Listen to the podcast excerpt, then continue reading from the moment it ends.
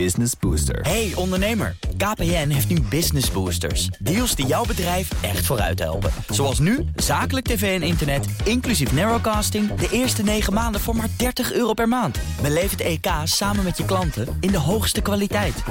Kijk op kpn.com slash businessbooster. Business Booster.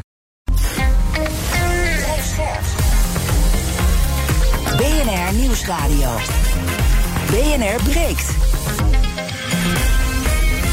Ivan Verrips. Goedemorgen en welkom. Vanaf half twaalf gaan we praten over het nieuws van de dag. Over de boeren die uh, het Remkesberaad blijven boycotten... en LTO afvaardigen om morgen de gezamenlijke belangen daar te vertegenwoordigen.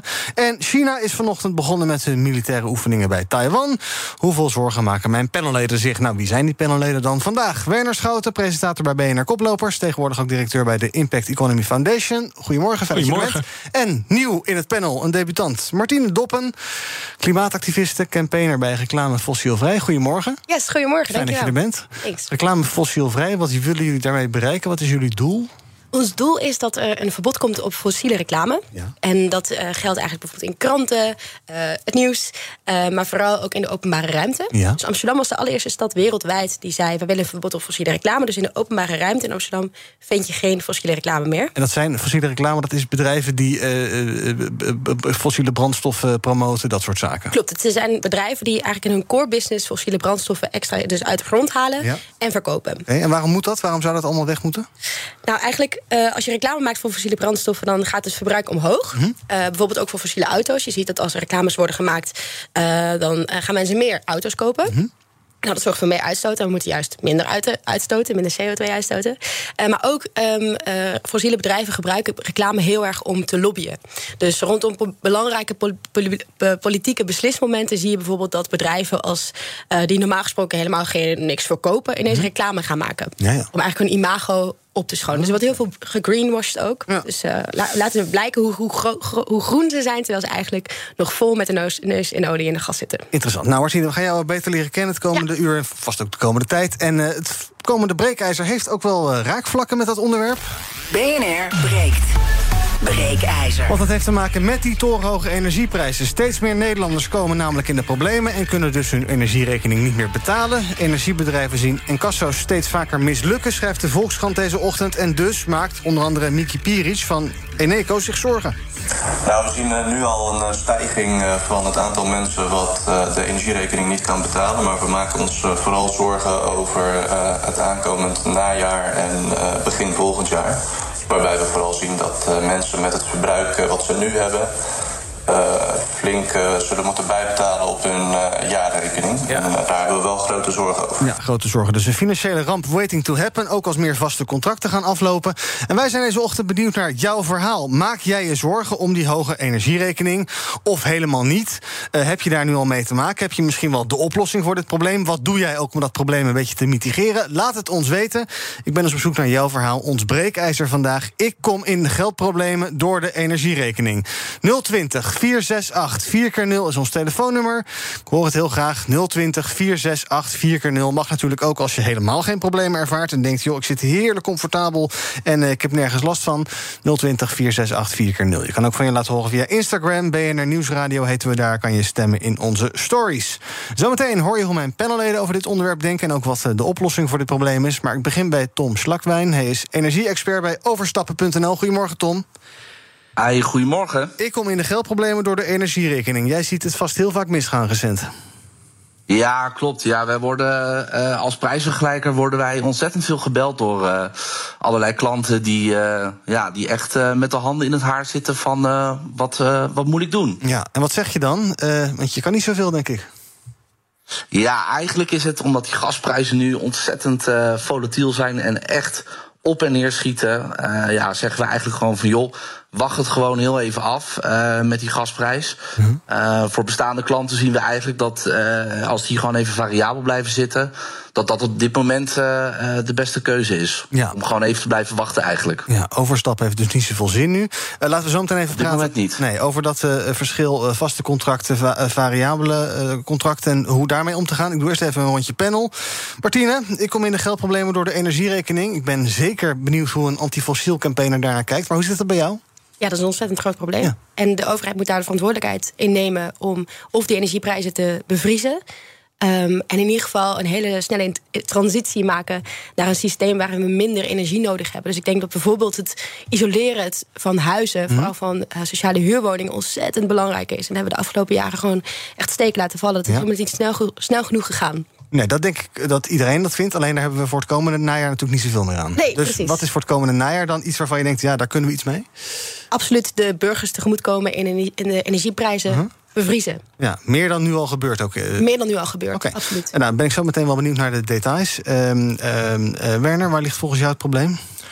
Nou, dit ligt natuurlijk allereerst bij de enorm hoge gasprijzen. En wat uh, Martine ook al zegt, de enorme afhankelijkheid van onze uh, fossiele brandstof. Want juist de mensen die al wel de mogelijkheid hebben gehad om bijvoorbeeld uh, minder gas te gebruiken en dergelijke. Mhm. Die genieten nu inderdaad van nog steeds een koel huis. En straks ook een warm huis met een, met een lage gasprijs. Um, wat een ander probleem is, vind ik zelf, is dat gewoon 50% van de Nederlandse huishoudens, ook voor deze gascrisis, zijn financieel kwetsbaar. Ja. Dat is ongelooflijk. We zijn een ongelooflijk welvarend land. We hebben enorm veel geld. En nog steeds kan het zo zijn dat 50% van de huishoudens financieel kwetsbaar is. En een kleiner deel daarvan kan niet eens uh, fatsoenlijk rondkomen. Mhm. En dat is toch, ik vind dat wel apart. Er was ook een onderzoek geweest van, van Zomo. Het is niet dat we geen geld verdienen in dit land. Hè. Juist grote Nederlandse bedrijven. Die hebben de afgelopen van 2000 tot 2019 is de, zijn de uitkeringen aan aandeelhouders in de vorm van dividenden en aandelen inkopen vervijfvoudigd. Terwijl juist de investeringen in werknemers, investeringen in duurzaamheid, investeringen in innovatie minder zijn geworden of klein zijn geworden. Mhm. Dus ja. We zijn heel veel geld is er gecreëerd, maar dat gaat veel naar aandeelhouders en niet bijvoorbeeld naar hogere kosten, uh, uh, hogere uh, lonen voor werknemers, waardoor ze minder financieel kwetsbaar kunnen zijn. En dat is ook een prijs die we nu betalen. Ja, nou, aan de, wat die energiebedrijven verdienen gaan we het zo meteen nog even over hebben. Want daar zijn ook allerlei ideeën voor in de politiek wat je daarmee zou kunnen doen.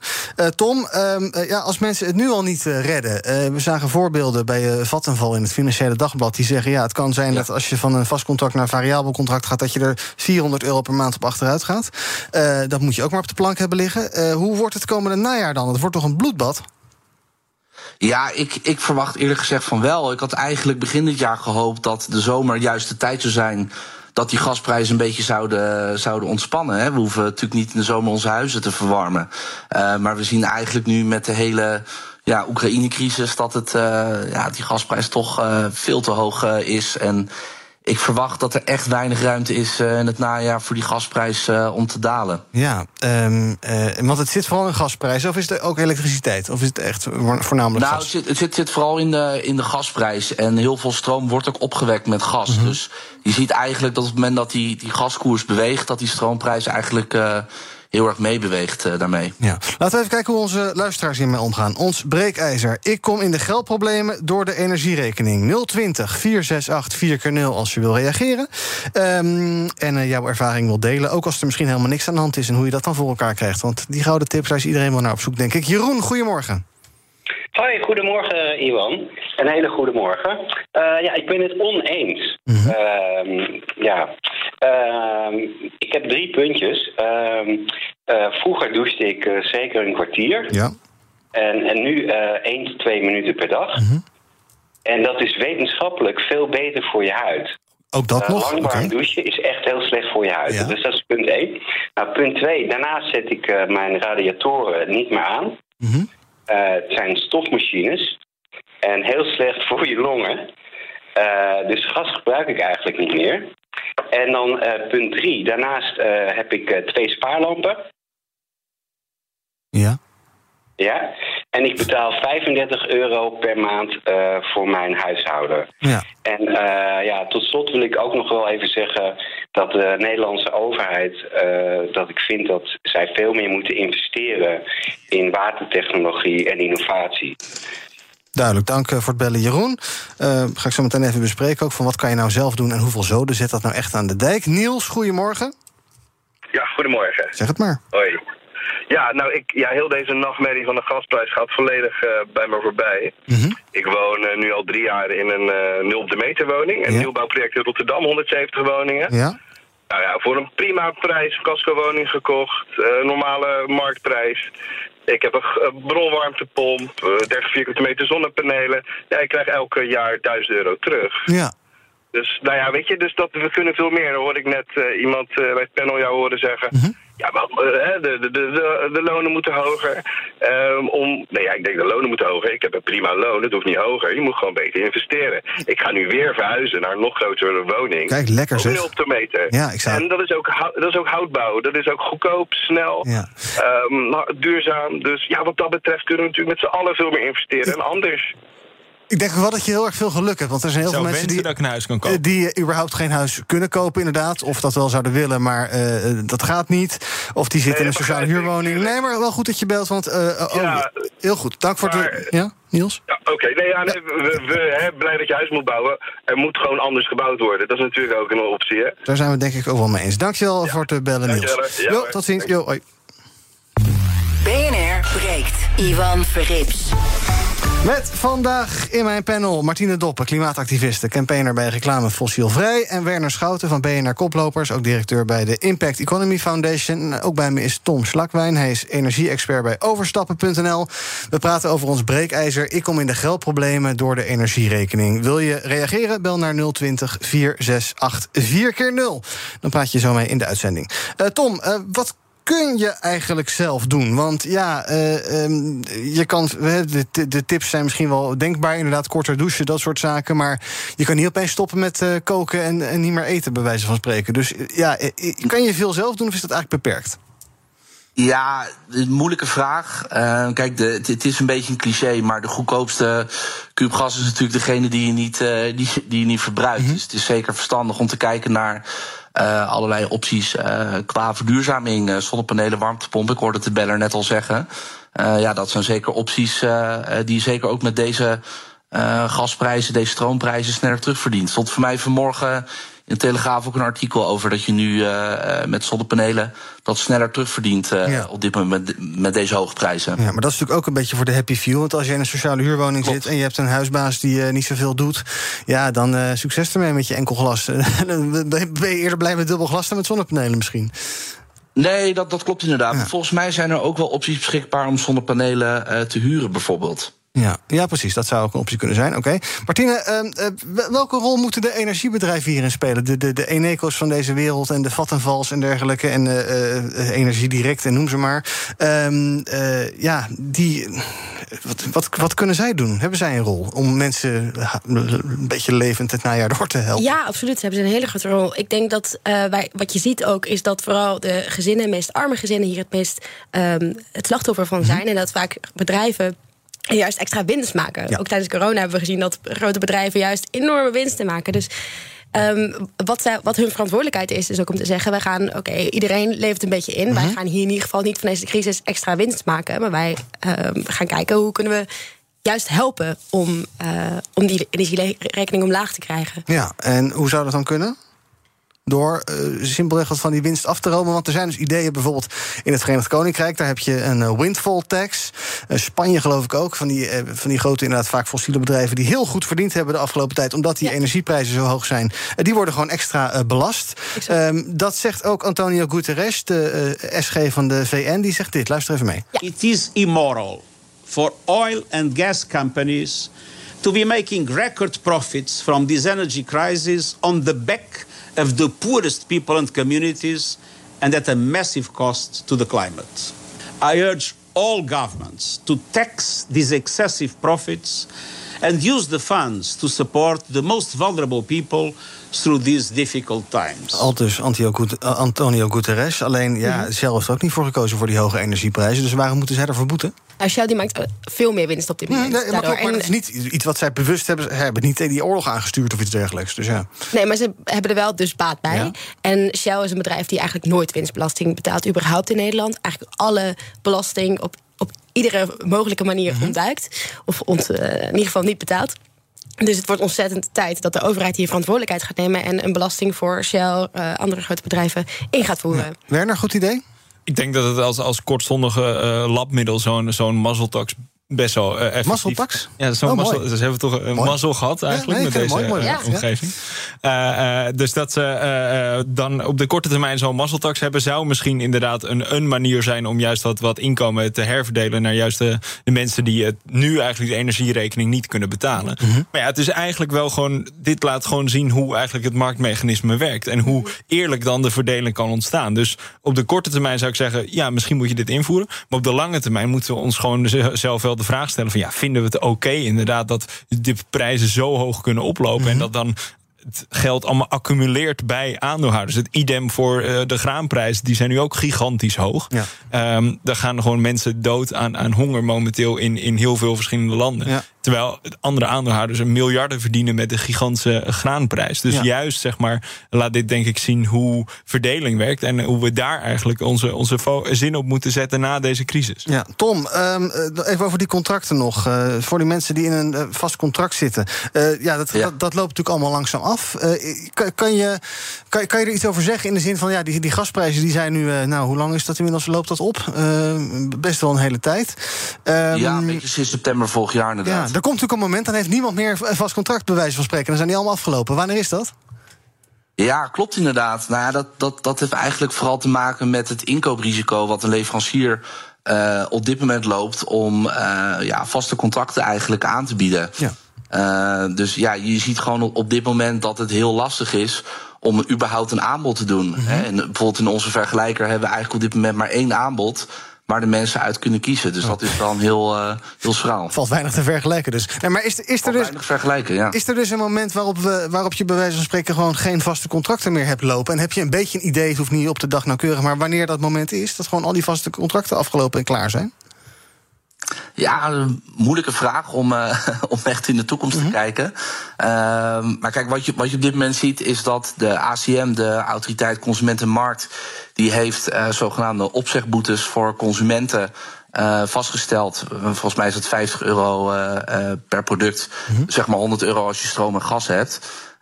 Ja, dat betekent dus dat op het moment dat je een half jaar je contract zit. en je switcht naar een andere. dan moet je daar natuurlijk een opzegboete voor betalen. als je in het vast contract zit.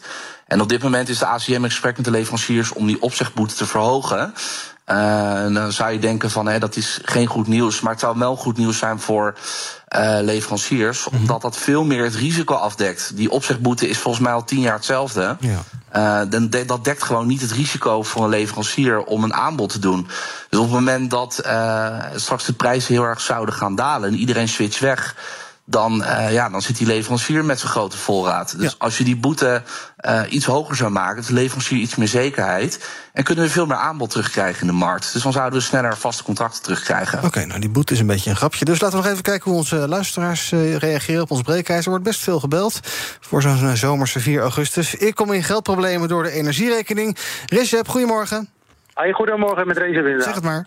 Eh, nou, ik ben het eh, niet eens met de stelling. Eh, dat komt mede omdat ik, net als de vorige beller, ook in een nul meter woning woon. Ja. Ehm, en ik heb een kleine tip eigenlijk voor de andere luisteraars. Ehm, wij hebben bijvoorbeeld een thermostaatkraan in de, in de douche. Ehm, en het kan ervoor zorgen dat door zo'n kraan je minder hoeft te douchen. Ja. Omdat je eigenlijk niet de kraan open hoeft te laten. Met, met name bij het, bijvoorbeeld bij het champoneren. Ja. kan je even de kraan dicht, dichtdraaien. Ja. En als je hebt gechamponeerd, draai je hem even open. Ja, dat scheelt echt ontzettend veel water.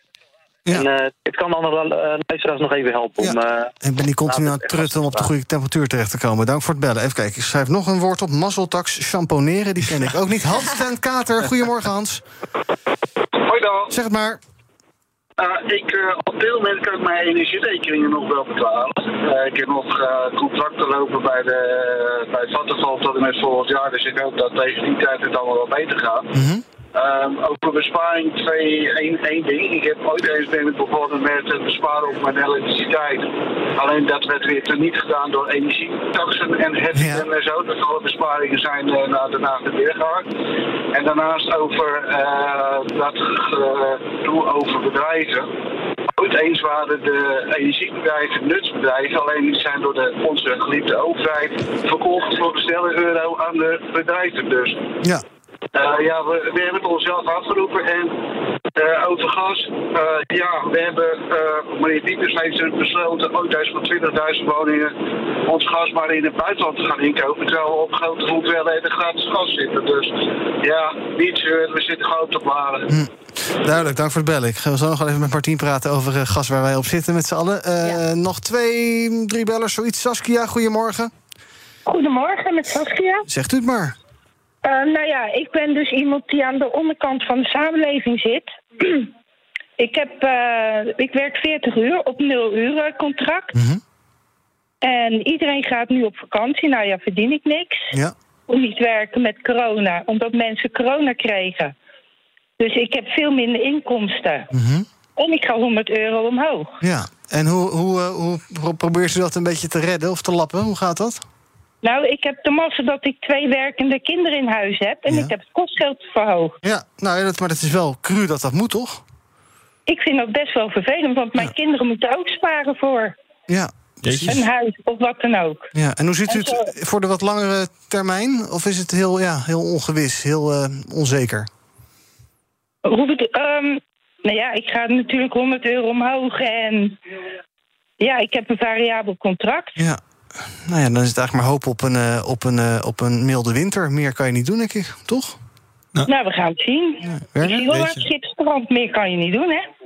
Werner? Ja, ik vind zulke verhalen altijd wel, wel aangrijpend. Eh, maar wat, eh, wat wel ook nou, misschien mooi is van deze soort van crisissituatie... is dat er ook innovaties komen, zoals bijvoorbeeld Amsterdam heeft nu de Fix-brigade. Iedereen die dan eh, minder dan 140% van het minimumloon verdient... kan gratis komen mensen langs die, die zorgen voor tochtstrips... die zorgen voor, volgens mij, isolatie en dergelijke. Dat zijn dan wel dingen die op gang komen. En ik hoop dat mensen daar gebruik van kunnen maken... en dat dat kan helpen. Ja. Maar ja, dat maakt natuurlijk niet minder erg als je zulke situaties hoort. Nee, maar dat is wel misschien wel een goede tip inderdaad... dat je bij gemeenten en dergelijke wel kan informeren... van welke regelingen zijn er, waar kan je gebruik van maken enzovoorts. Eh Erik, goedemorgen. Goedemorgen. Hallo. Zeg het maar. Ja, ik eh, heb nu nog het- eh, geen last van de prijs, omdat ik nog een vast contract heb, wat gelukkig nog twee jaar doorgaat. Ja. Maar ja, als deze ellende zo doorgaat, ik bedoel, kijk, de burgers zijn nu de dupe van alles wat er gebeurt. Eh, ik vind dat de prijzen, die worden nu ook kunstmatig allemaal eh, omhoog gegooid. En zo, ik denk dat er bedrijven zijn en organisaties die hier ontzettend veel geld aan verdienen. Ja. Dus ik denk dat de overheid en gemeentes heel snel moeten gaan zorgen dat wij zeg maar, van het gas af kunnen komen. Ook in de bestaande bouw. Want eh, het is allemaal leuk met eh, mensen die allemaal nieuwe huizen kunnen kopen en die daar allemaal geld voor hebben. Maar ja, een nieuwbouwhuis is ook niet meer voor de gewone weggelegd, te nee. betalen. Want je moet met twee volwaardige inkomens een nieuwbouwhuis komen, kopen. Wat dan gasloos is en energiezuinig. Maar de rest van de Nederlandse bevolking is gewoon zwaar eh, aan de beurt. Ja, precies. En het creëert natuurlijk ook gewoon een soort rare ongelijkheid. Je krijgt een soort groep mensen met een vast contract... en die denken, nou, het zal mijn tijd wel duren. En mensen die, er, die daar uitgelopen zijn... en die nu zitten met problemen. Zou je bereid zijn om ietsje in te leveren... iets meer te gaan betalen, Erik... als daardoor die mensen met dat variabele contract... wat minder gaan betalen? Nou ja, daar sta ik zelf natuurlijk in principe natuurlijk nooit op te wachten. Maar goed, ik snap het wel. Hè? En eh, ik zal uiteraard ook iets meer moeten gaan betalen straks. Dat zal wel uiteraard ook gaan gebeuren. Maar ik denk dat we gewoon een heel groot probleem hebben. Want je ziet gewoon nu dat gewoon eh, die prijzen die worden omhoog gegooid. En dat snap ik niet, hè, want je haalt je gas ergens anders vandaan. Dus er is een organisatie of iets die daar denkt van... nou, daar gaan we eens even flink gebruik van gaan maken. Dus dat klopt gewoon niet. En dat is net zo als, goed als met die benzine en die accijns en alles. Hoe kan dat dat het in één keer omlaag gaat en toch weer omhoog? Ja, eh, veel raar. Dank voor het bellen. Tot slot, Robert, goedemorgen. Ja, goeiedag, eh, Robert Dirks. Eh, ja, ik, ik, heb een, eh, ik, heb, een- ik heb geen last van de prijzen, want ja, ik heb inderdaad zo'n contract wat nog tot 2023 eh 7 is. Ehm, wat ik wel als oplossing zie is van, eh, kijk, een tijdje geleden heeft een eh, referendum uitgewezen dat de, zeg maar, de kiezer in Europa helemaal niet zit te wachten op een associatie met een verdrag met eh, Oekraïne. Dus ik snap niet eh, waar de Europese politici het lef vandaan halen om de hele Europese economie zeg maar, in, in de waagschaal te zetten. Om een spelletje te spelen met, eh, met Rusland. dankzij de Amerikaanse ja, intentie daartoe. Oké. Nou, over de eh, situatie in Oekraïne gaan we een andere keer praten. Wat hoorde ik nou aan het begin? Had jij muziek, lekker, er had- niks mee te maken. Had, je- had jij lekker muziekje op staan of niet? Oh, hangt gewoon op. Robert? Hallo? Nou, ik hoorde een soort uh, jazzmuziekje aan het begin. Vond het wel lekker eigenlijk. Maar oké, uh, goed. Um, dit uh, half uur komt er en nog even over die berg gas waar we op zitten. Ja. Dat is iets wat je vaak hoort. Joh, gooi Groningen open. We gaan ook weer boren in de Noordzee. Heel Meer, slecht idee. Dat wordt, de vergunningsverlening wordt versneld en dergelijke. heel goed idee, hoor ik jou zeggen. Heel slecht idee. Oh, heel slecht idee. Heel slecht idee. Nou, de Groningen heeft ontzettend hard geleden al. On, ja, maar als we die mensen een keer goed compenseren, dan pompen Maar dat is sowieso al heel erg hard nodig. Ja, en we moeten ook gewoon sneller van het gas af. En in de tussentijd moeten we heel veel gas gaan besparen. Ja. En dat, dat ligt ergens bij de huishoudens. En die verantwoordelijkheid daarvoor ligt bij de overheid. Dus ik vind het super mooi dat mensen ook zelf maatregelen Mhm. nemen. En dat is ook heel hard nodig. Maar de grootste verantwoordelijkheid ligt hier bij de overheid. Die moeten heel snel huizen gaan isoleren. Maar ook grote bedrijven die ontzettend veel gas uh, consumeren. Zoals bijvoorbeeld uh, bloemenbedrijven. Bedrijven Mhm. die bloemen produceren ja. heel de winter door. is echt niet nodig. Ja. Niemand, ik bedoel, het is heel mooi. Een, een, een uh, mooie bos op de vaas. Maar dat is absoluut ja. geen levensbehoefte. En, Nee, en ook tomaten bijvoorbeeld, dat we dit hele jaar door kunnen, kunnen eten. Allerlei. Nou ja, er is zo ontzettend veel wat we kunnen besparen. En de overheid heeft een hele grote verantwoordelijkheid voor de regulering daarin. Ja. En uh, die legt nu continu de verantwoordelijkheid bij de burger. Ja, en dus uh, geen, uh, geen gas uit Groningen en de Noordzee halen en dan maar een tijdje een hoge gasprijs nog. Nou, en zorg dat je dus als overheid vooral lage inkomensgezinnen compenseert daarmee. Ja. Duidelijk. Dank. Ook dank aan Tom Slagwijn. Nog één vraag, Tom. Uh, uh, ja. als, als ik nu uit mijn vaste contract loop, uh, wat moet ik doen? Want naar overstappen.nl heeft dus ook niet zoveel zin. ja, we hebben inderdaad maar één, één aanbieding. Ja, dus dat, uh, dat, dat is inderdaad vooral voor nieuwe klanten is het handig. Ja. ja ik zou zeggen, probeer zoveel mogelijk uh, te besparen. Uh, en wacht het gewoon even af. De ja. markt is gewoon heel erg overhit op dit moment. Uh, en ik hoorde trouwens net ook een, een, aantal dingen zeggen over de, de bedrijven en de bloemenbedrijven. Ik zou eigenlijk zelf eerder zeggen, op dit moment hebben we nu een half jaar lang een btw-verlaging door de overheid van 9%. Mm-hmm. Van 1 juli en die loopt 31, 31 december loopt dat af.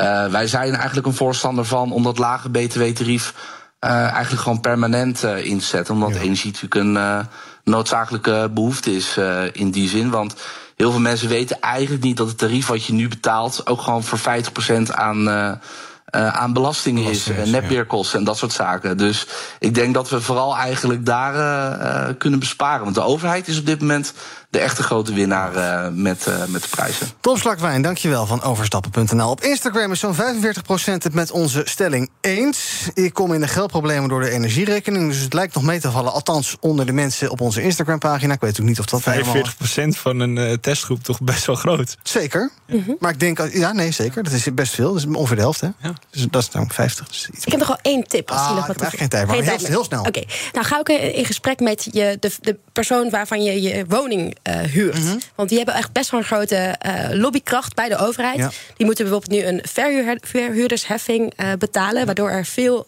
minder geld beschikbaar is voor bijvoorbeeld zonnepanelen of je woning isoleren. En als zij er een beetje druk achteraan zetten bij de overheid, dan gaat het ook allemaal sneller. En wij als burger hebben dus echt de macht om, om dat te zeggen: hé, hey, wij pikken dit niet. Heel goed. Zometeen ga ik met jullie verder praten over het nieuwe hoofdstuk in de stikstofsaga.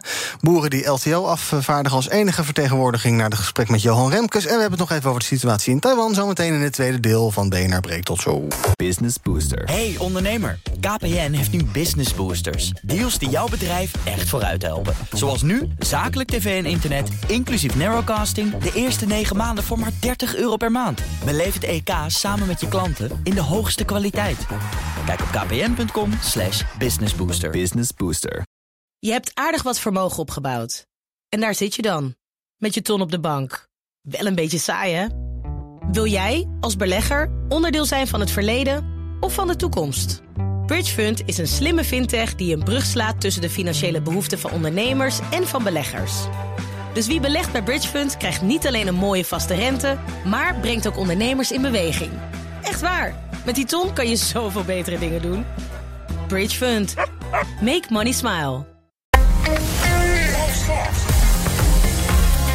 BNR Nieuwsradio. BNR breekt. Welkom terug bij BNR Breekt. In mijn panel vandaag Martine Doppen, klimaatactiviste, campaigner bij Reclame Fossielvrij... en Werner Schouten van BNR Koplopers, directeur bij de Impact Economy Foundation. We gaan praten over het uh, andere nieuws van de dag, over de boeren allereerst.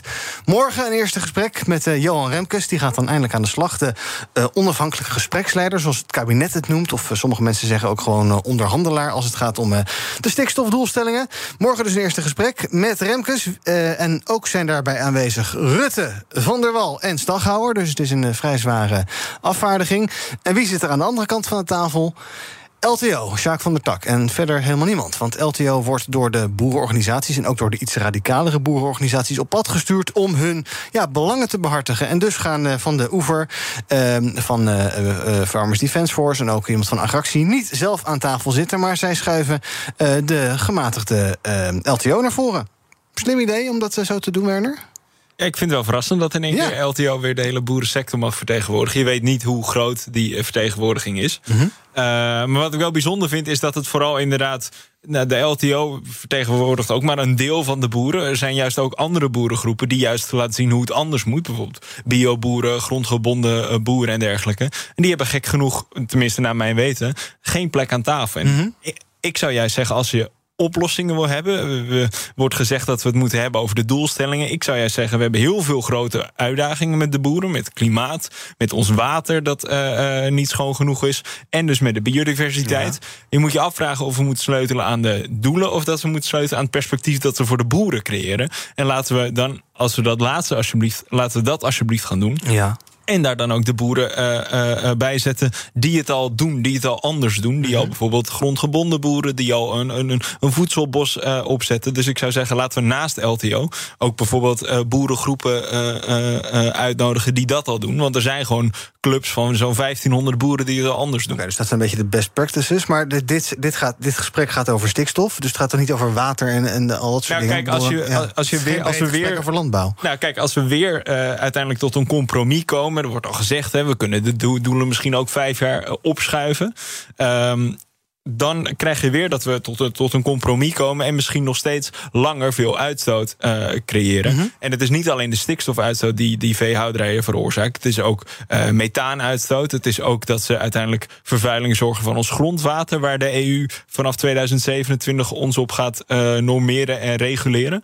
Dus wat je dan krijgt, is dat we dan weer in de problemen komen. Dus dan kunnen we beter nu in één keer die pleister er in één keer aftrekken... en een heel goed perspectief geven... dan dat we weer gaan ingeven op de doelen... die nu eindelijk een keer ambitieus zijn gesteld. Ja. Martine, die, die groepen, Farmers Defence Force, Agractie... die hadden geen zin om met Remkes te praten. Want één, ze zeiden, uh, ja, het is Remkes... die staat aan de, uh, uh, aan de wortel van dit beleid eigenlijk. Althans, die heeft rapporten gemaakt... wat geleid hebben tot deze stikstofdoelen. En twee, bovendien zit ook nog eens Rutte van der Wal en Staghouwer erbij. Dus ja, wat, wat hebben we hier aan? Um, vind je dat een goede houding? En, en, bovendien, en drie, nog het belangrijkste... Remkes heeft niet echt een mandaat om iets te doen. ja, -hmm. hij gaat praten, maar er gaat, kan niks veranderen. Ja, wat valt er dan te bemiddelen? Niks, mm -hmm. toch? Nou, ik begrijp wel wat de boeren bedoelen. Ik denk dat, uh, dat ik bedoel, vanuit mijn eigen perspectief als klimaatactivist worden we ook wel eens uitgenodigd bij Rutte. Ja. Maar het is meer een soort van: oh, kijk, we hebben met klimaatactivisten gesproken ja. en nu uh, kunnen we dat even afvinken. Ga je dan, en dan gaan we weer door met onze eigen. Uh, ik ben zelf nog nooit persoonlijk mm -hmm. uitgenodigd. Ik denk dat het ook wel iets zegt over. Nee, maar zou je dan gaan? Um, zeg, ik heb, kan er niks aan bereiken, want ja, wat valt daar aan te verhapstukken aan, Rutte? Ik zou in ieder geval de structuur bevragen. Dus inderdaad dat er ook uh, andere belangengroepen inderdaad bij aanwezig zijn. En dat, dat er echt een inclusief panel zit van mensen... dat we echt een goed gesprek kunnen hebben. Ja. Dat ik vraag, van, wat is inderdaad het mandaat wat we hebben hier? Ja. Want uh, ik denk dat dat heel duidelijk dat, dat, dat de boeren dat nu heel erg voelen dat ze geen mandaat hebben. Ja. En als dat van tevoren heel duidelijk is, bijvoorbeeld ook in de vorm van. Uh, we hebben tegenwoordig veel meer over burgerberaden. Ik denk dat, dat, dat dit, deze hele situatie een mooie kans is om bijvoorbeeld een burgerberaad uh, op te zetten. Het duurt allemaal wel veel langer. Mm -hmm. Maar dat is in ieder geval die vorm daarvan is een veel beter gesprek waarin je ook echt zegt: oké, okay, ja. we geven een mandaat aan het burgerberaad, waardoor ze echt advies kunnen gaan geven. En ik denk dat deze groep is geen goede afspiegeling natuurlijk van de samenleving, de boeren. Mm -hmm. maar. Um, Uh, ik, ik, zou zeggen, ik, ik, begrijp de boeren dat zij er vraagtekens bij hebben. En ik denk dat uh, Rutte en Remkes veel beter moeten nadenken over de structuur van die groep mensen waarmee ze moeten gaan praten. Ja. Wat Werner ook al zegt, andere boeren ook uitnodigen. Maar misschien ook andere belangenorganisaties. En dat het een heel slecht idee is om nu één persoon van één belangenorganisatie, van één clubje, daar aan tafel namens iedereen de woordvoering te laten doen. Ja. Uh, jij zei het al, uh, Werner, gisteren opeens een soort politieke opening. Het Algemeen Dagblad meldde van ja, de deadline om die stikstof te halveren, die zou ook wel eens verschoven kunnen. Hij ligt nu op 2030, zou misschien ook naar 2035 kunnen, vertellen bronnen uit de regering in het Algemeen Dagblad. Want die 2030 die nu vastgesteld is, dat is niet echt een eis of een plicht of opgelegd door een rechter of iets dergelijks. Dus het is meer een soort van ja, wij zijn ambitieus, we doen 2030. Um, maar als het 2035 wordt, ach, vijf jaartjes op die stikstofuitstoot is toch ook prima. Als je die boeren daarmee tevreden krijgt, hebben zij wat meer tijd, kunnen zij wat meer aanpassen, innovatie, bla bla bla. Geregeld toch? Absoluut een heel slecht idee. We moeten echt nog veel sneller dan 2030. We, we, zitten gewoon nu heel erg in die crisis. En ieder jaar dat we erbij doen is echt desastreus voor de biodiversiteit, uh, voor het klimaat. Hm. Um, we moeten gewoon zorgen dat er een heel goed plan is voor die boeren, waardoor ze kunnen stoppen. We moeten de HV-stapel verminderen en zo snel mogelijk. En de boeren moeten daarvoor gecompenseerd worden. En dat geldt ook in. Ik begrijp wel. Ik heb laatste. Ik was. Um, ik heb lange tijd als uh, debattrainer gewerkt. Ja. Laatst ook op een soort van agrarische school. En daar was de emotie. Oh, je vast geen vrienden gemaakt. Nou, ik vond het heel interessant om juist met hen in gesprek te gaan. Van ja, hoe, hoe, hoe voelt het voor jullie? En er zit zoveel emotie daar rondomheen. Ja boeren die miljoenen hebben geïnvesteerd en die dat dus nu niet terugverdienen, terwijl ze dat wel verwacht hebben. Uh, boeren zijn helemaal geen hele, arme mensen in Nederland. Mhm. Ze behoren echt wel tot, tot, tot hogere uh, lonen, hogere, de rijkere in het land. En dat is ook iets wat ja, en, eh, en, ze hebben het gevoel dat ze daar recht op hebben. Maar ik begrijp wel dat, dat als je een miljoen hebt geïnvesteerd en je verwacht daar iets op terug, dat je, dat je daar boos over wordt. Ja, dat je emoties ja maar jij zegt, die boeren zeggen, ja, wij willen uh, uh, toekomstperspectief in de zin van doorgaan met boeren. En jij zegt, je moet die boeren toekomstperspectief geven om te stoppen. Ja, inderdaad. Ja, als zij echt willen op een andere manier, op een verantwoorde manier uh, willen boeren, dan uh, zijn dit, denk ik, is het bijvoorbeeld het koppelen aan zo'n bioboer een heel goed idee en dat ze van elkaar kunnen leren. Maar ik zie dat niet gebeuren op korte termijn. Dus dan moet je daarin gaan ingrijpen als overheid. Dan moet je zeggen: oké, jij moet stoppen. Business Booster. Hey ondernemer, KPN heeft nu Business Boosters. Deals die jouw bedrijf echt vooruit helpen. Zoals nu, zakelijk tv en internet, inclusief narrowcasting... de eerste 9 maanden voor maar 30 euro per maand. Beleef het EK samen met je klanten in de hoogste kwaliteit. Kijk op kpn.com slash businessbooster. Business Booster. Je hebt aardig wat vermogen opgebouwd. En daar zit je dan, met je ton op de bank. Wel een beetje saai, hè? Wil jij, als belegger, onderdeel zijn van het verleden of van de toekomst? Bridgefund is een slimme fintech die een brug slaat tussen de financiële behoeften van ondernemers en van beleggers. Dus wie belegt bij Bridgefund krijgt niet alleen een mooie vaste rente, maar brengt ook ondernemers in beweging. Echt waar, met die kan je zoveel betere dingen doen. Bridgefund. Make money smile. BNR Ik zie net oude nieuwsberichten 2015. Nou ja, oké, goed. Um, we gaan nog praten over het andere nieuws. Laten we even naar Taiwan gaan. Daar zijn uh, dit soort geluiden te horen aan de kust. geluid komt van ITV Nieuws. Vanochtend uh, oefeningen begonnen. Chinese oefeningen uiteraard in de wateren vlakbij Taiwan. Zes plekken aangewezen waar geoefend wordt. Te uh, zee en in de lucht. Een reactie op het bezoek van Nancy Pelosi... die uh, eergisteren inmiddels alweer een bezoek bracht aan Taiwan. Het ministerie van Defensie reageerde erop door te zeggen dat ze nu voorbereidingen treffen voor nou ja, oefeningen voor een oorlog zonder dat ze oorlog zelf willen opzoeken. Um, ja, uh, Nancy Pelosi is al lang weg. Um, China had met allerlei grote woorden gedreigd van je moet niet met vuur spelen. En nu zijn er oefeningen gaande. Um, hoe kijk je daarnaar, Martine, naar dit hele conflict? Ik denk dat het vooral het machtsspel is van China om te laten zien, kijk hoe krachtig en machtig we zijn, ook naar het eigen volk en naar Amerika natuurlijk. En uh, ik denk niet dat er een oorlog uit gaat breken. Nee, het wordt afhankelijk ook van Taiwan als het gaat over chips bijvoorbeeld. Mm -hmm. Grootste exporteur van uh, hele belangrijke chips. En we hebben een tijd geleden volgens mij ook al gezien dat toen er onrust was, dat als daar vertraging in komt, dat dat echt voor onze hele wereldeconomie uh, desastreus kan zijn, of in ieder geval een hele slechte invloed heeft. Mm -hmm. Dus ik denk absoluut niet dat daar een, uh, een oorlog uit gaat breken. Nee, dus dit is een paar dagen even stoer doen. En een beetje schieten en laten zien wat je kan en wat je in huis hebt. En uh, een beetje mensen bang maken en dan is het weer klaar. Ja, precies. En ook, het is natuurlijk, Taiwan wil onafhankelijk zijn. Maar voor China, ja, voor de mensen vooral in China... gaan zij in een eenkindspolitiek hun, hun enige kind ook het leger insturen... Om voor zo'n eiland te gaan vechten. Ik weet eigenlijk niet of er heel veel ook uh, support is... vanuit de Chinese bevolking om zoiets te gaan doen. Ik verwacht eigenlijk van niet. Nou, volgens mij moeten we totaal niet lichtvoetig doen over wat er daar in uh, Taiwan gebeurt op dit moment. China noemt Taiwan altijd als een soort van afvallige, afvallige, provincie, die weer heroverd moet worden. Dus vroeg of laat is de kans zeer groot dat dat gaat gebeuren. Irrelevant van hoe het Chinese volk erover denkt. Ik heb nog nooit een, een poll onder de Chinese volk gehoord, denk ik. Um, geen betrouwbare, nee. Nee, precies. En ik denk dat voor, voor ons als Europa moet dit heel veel betekenen. is namelijk de volgende stap. We proberen nu in allerijl namelijk afhankelijk, onafhankelijk te worden van uh, Russische energie. Um, ik denk dat dit nogmaals onderstreept, als we zien wat er nu in, in China gebeurt, dat wij nog verder moeten inzetten op strategische autonomie mm -hmm. uh, als Europa zijnde. Um, en dat we dus veel meer ook uh, qua zeker infrastructuur en, en fabrieken die echt essentieel zijn voor de producten die we ook in Europa gebruiken, uh, meer terug naar Europa moeten brengen. Ja. Um, omdat we gewoon uh, uh, eigenlijk geopolitiek in nog instabieler water komen. Ja, dus we proberen van Rusland af te komen, want dat blijkt geen betrouwbare partner. We moeten ook van China af proberen te komen, want dat blijkt geen betrouwbare partner. We, ja, ik denk dat we echt een stuk minder naïef moeten zijn. We hebben volgens mij uh, laatst nog een stuk in het FD dat het nu moeilijk is om bijvoorbeeld een partij, uh, een Chinese partij bijvoorbeeld, uit infrastructuurinvesteringen in Nederland te houden, et cetera. Ja, ik denk dat we daar veel meer van gaan zien de komende tijd. Dat we juist veel volwassener moeten worden in onze verhouding met China. Ja, ja, het was altijd zo'n zo fijn land. Je kon allemaal troep vandaan halen voor weinig. En uh, ideaal. Ja, maar, maar, dit is al jaren voorspeld. Volgens ja, mij, we hebben Rob de Wijk natuurlijk hier bij BNR zeker. ook. Die heeft volgens mij al boeken jaren over boeken ja. over geschreven. Inderdaad, van dat we veel volwassener hier moeten worden. Ja. En dit onderstreept het, denk ik. Ja, maar met Rusland wisten we het eigenlijk ook wel. Maar ja. Zeker, ja.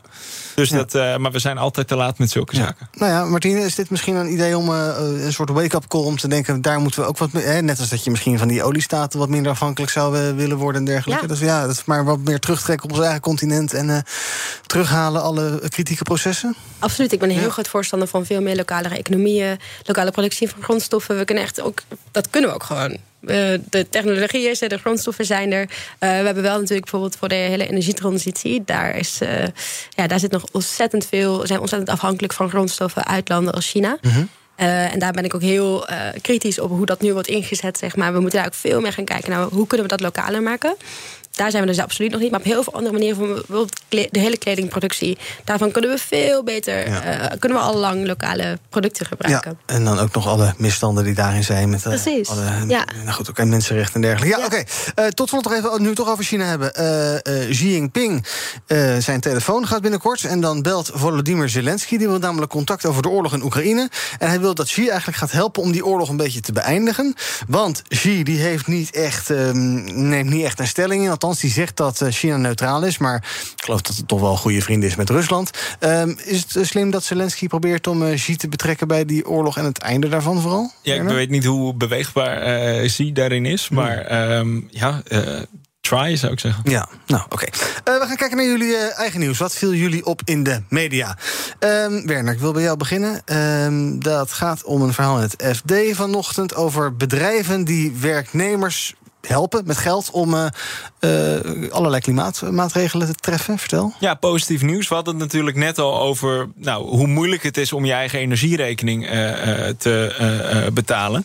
Maar er zijn bedrijven die echt hun medewerkers nu ook helpen om eigenlijk te verduurzamen. Uh, sommige bedrijven nemen nog eigenlijk nauwelijks verantwoordelijkheid voor verduurzaming. Maar er zijn ook echt mooie voorbeelden die dus niet alleen hun eigen waardeketen verduurzamen, maar ook hun werknemers helpen om verder te verduurzamen. Zo is er, er zijn steeds meer voorbeelden van. Zo heeft bijvoorbeeld verzekeraar Argmea elke medewerker een duurzaamheidsbudget van 2.500 euro gegeven. Ja. Zodat ze zelf dat kunnen investeren in verduurzaming. Er zijn nu innovaties dat je een eigen warmtepomp kunt betalen met niet gebruikte vakantiedagen. Dus dat wordt dan deels via je baas betaald. Dan moet je wel jaren niet op vakantie, want zo'n ding is best duur.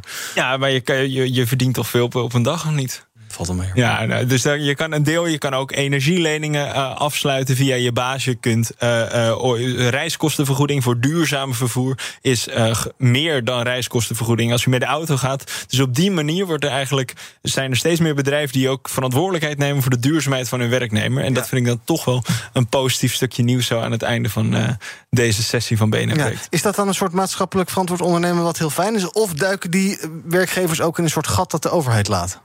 Of allebei, kan ook. Ja, ik denk dat de overheid ook stappen zet. Maar ik denk, ik denk dat een overheid natuurlijk daar op dat vlak meer kan doen om eigenlijk uh, grootschalig te isoleren, mm bijvoorbeeld. Uh, maar daar wordt ook al veel gedaan over met een warmtetransitiefonds, waarbij je bijvoorbeeld rentevrije leningen kunt hebben om bijvoorbeeld verduurzamingsmaatregelen te betalen. Um, maar ik denk dat het ook gewoon ja, mensen nog verder helpt om eigenlijk te verduurzamen. Ja. Dus ja, het is altijd een beetje een mix. Mooi dat de BV Nederland daarbij helpt. Martine, jij wil het hebben over Congo. Dat land gaat de komende dagen landveilen voor oliewinning om de olieprijs een beetje omlaag te krijgen. Nou, Goed nieuws? Ja, zou je zeggen. Nou, oh. uh, ja, ik, ik, denk dat dit, dit soort nieuws uh, haalt heel vaak Nederlands nieuws niet. Het nieuws was het wel bij de NOS. Um, het gaat om een, een, een, een veenbos van uh, 16,8 miljoen hectare. Een gebied ter grootte van vier keer Nederland. En het houdt bijna 30 miljard ton koolstof vast. Ja. En daaronder ligt dus heel veel olie en gas, waar natuurlijk ontzettend veel geld aan te verdienen is. En ja, wij als Europa zeggen natuurlijk, nou, Congo moet je niet doen. Mm -hmm. maar een land als Congo, wat nog aan het herstellen is van de kolonisatie van België, wat nog helemaal niet lang geleden is, wat echt ontzettend arm is, uh, ja, kunnen wij dat zeggen ook als westerse samenleving, dat moet je niet doen. Ja. Dan is het hypocriet dat wij zelf er heel veel geld aan niet hebben... en nu zeggen, uh, Afrika, dat mag niet. Precies, precies. Dus ik denk dat het belangrijk is dat we over, ook in de hele energietransitie... de hele klimaatgesprekken daarover gaan hebben. Van hoe kunnen we ervoor zorgen dat ook niet de shells van deze wereld... nu heel erg uh, gaan investeren in gas- en olieprojecten in dat soort landen. Mm -hmm. En de klimaatonderhandelingen in Egypte die komen eraan. En ik, heb, ik ga er zelf ook naartoe en ik ga daar zelf ook veel te hebben over klimaatfinanciën... en hoe kunnen we ervoor zorgen dat er juist deze bedrijven... Um, ervoor zorgen dat ze dit niet gaan doen. Ja, zonder al te technisch te worden. Heb je, heb je ideeën hoe dat zou kunnen? Want inderdaad, uh, ik denk inderdaad dat de, de Shells en de BP's en de Exxons van deze wereld staan te springen... om daar lekker aan de slag te gaan in Congo voor een prikkie. Precies, precies, ja. ja. Ja, hoe kan je dat voorkomen? Ik dat... me eventjes niet zo goed. Ik ben een beetje duizelig. Oh. Ja, oh. Dus ik denk dat we het even moeten... Laten we dit onderwerp even parkeren. Um, als je even een glaasje water wil halen of zo, doe dat gerust. Loop dan... Uh, ja, deze is leeg. Ja. Wil je even een glaasje water hebben of niet? Eventjes. Ja, ga jij even een glaasje water aan. Doe je koptelefoon af, dat komt vanzelf goed. Uh, gaan wij nog eventjes uh, kijken wat er uh, trending is op de socials. Misschien kan je even helpen, Werner. Misschien kan je even helpen. Uh, trending is Barbara Baarsma voor de derde dag op rij. En wij zien ook heel veel andere onderwerpen. Oké, okay, dat gaat goed. Nee, rustig aan. Oké, dat gaat goed komen. Veel andere onderwerpen die trending zijn. Barbara Baarsma dus voor de derde dag op rij... met haar CO2-oproep uh, ja, oproep om uh, mensen een soort CO2-budget te geven. Hashtag clickbaitkabouter is trending. Dat is de naam die twitteraars geven aan Sander Schimmelpenning. Hij zou zichzelf helemaal vinden in Zweden. Zijn telefoon uitzetten deze hele zomer... en de Twitter-app niet openen. Maar Sander kon het niet laten om los te gaan op iedereen die kritiek durfde te hebben op uh, Barbara Baarsma. Daar is ze weer. En dus kreeg hij een briefje van Jan. De naam en de clickbait-kabouter. Dus ook trending, hashtag watertekort. Sinds gisteren is dit officieel in Nederland. Voor nu nog geen maatregelen, maar als de droogte aanhoudt... worden die wel de komende dagen verwacht. En daarmee komt er een einde aan deze uitzending van uh, BNR Breekt. Uh, ik dank Werner Schouten, presentator bij BNR Koplopers... ook directeur bij de Impact Economy Foundation. En Martine Doppen gaat goed? Ja, oké. Heel goed, heel fijn. kom je volgende keer weer? Oké, gelukkig. Nou, volgende keer weer en dan uh, houdt een hele uitzending vol. Kan gebeuren, geeft niks rustig aan. Um, klimaatactivisten en campaigner bij Reclame Fossielvrij. Morgen is BNR Breekt er weer. Dan met Kees Dorrestein. Tot die tijd kun je ons volgen via de socials. Zoek maar even op uh, YouTube, Instagram, TikTok, Twitter, LinkedIn. Waar dan ook. En zometeen is de zaken doen hier met Edwin Mooibroek. Tot morgen. Business Booster. Hey ondernemer, KPN heeft nu Business Boosters. Deals die jouw bedrijf echt vooruit helpen. Zoals nu, zakelijk tv en internet, inclusief narrowcasting... de eerste 9 maanden voor maar 30 euro per maand. Beleef het EK samen met je klanten in de hoogste kwaliteit. Kijk op kpn.com businessbooster. Business Booster.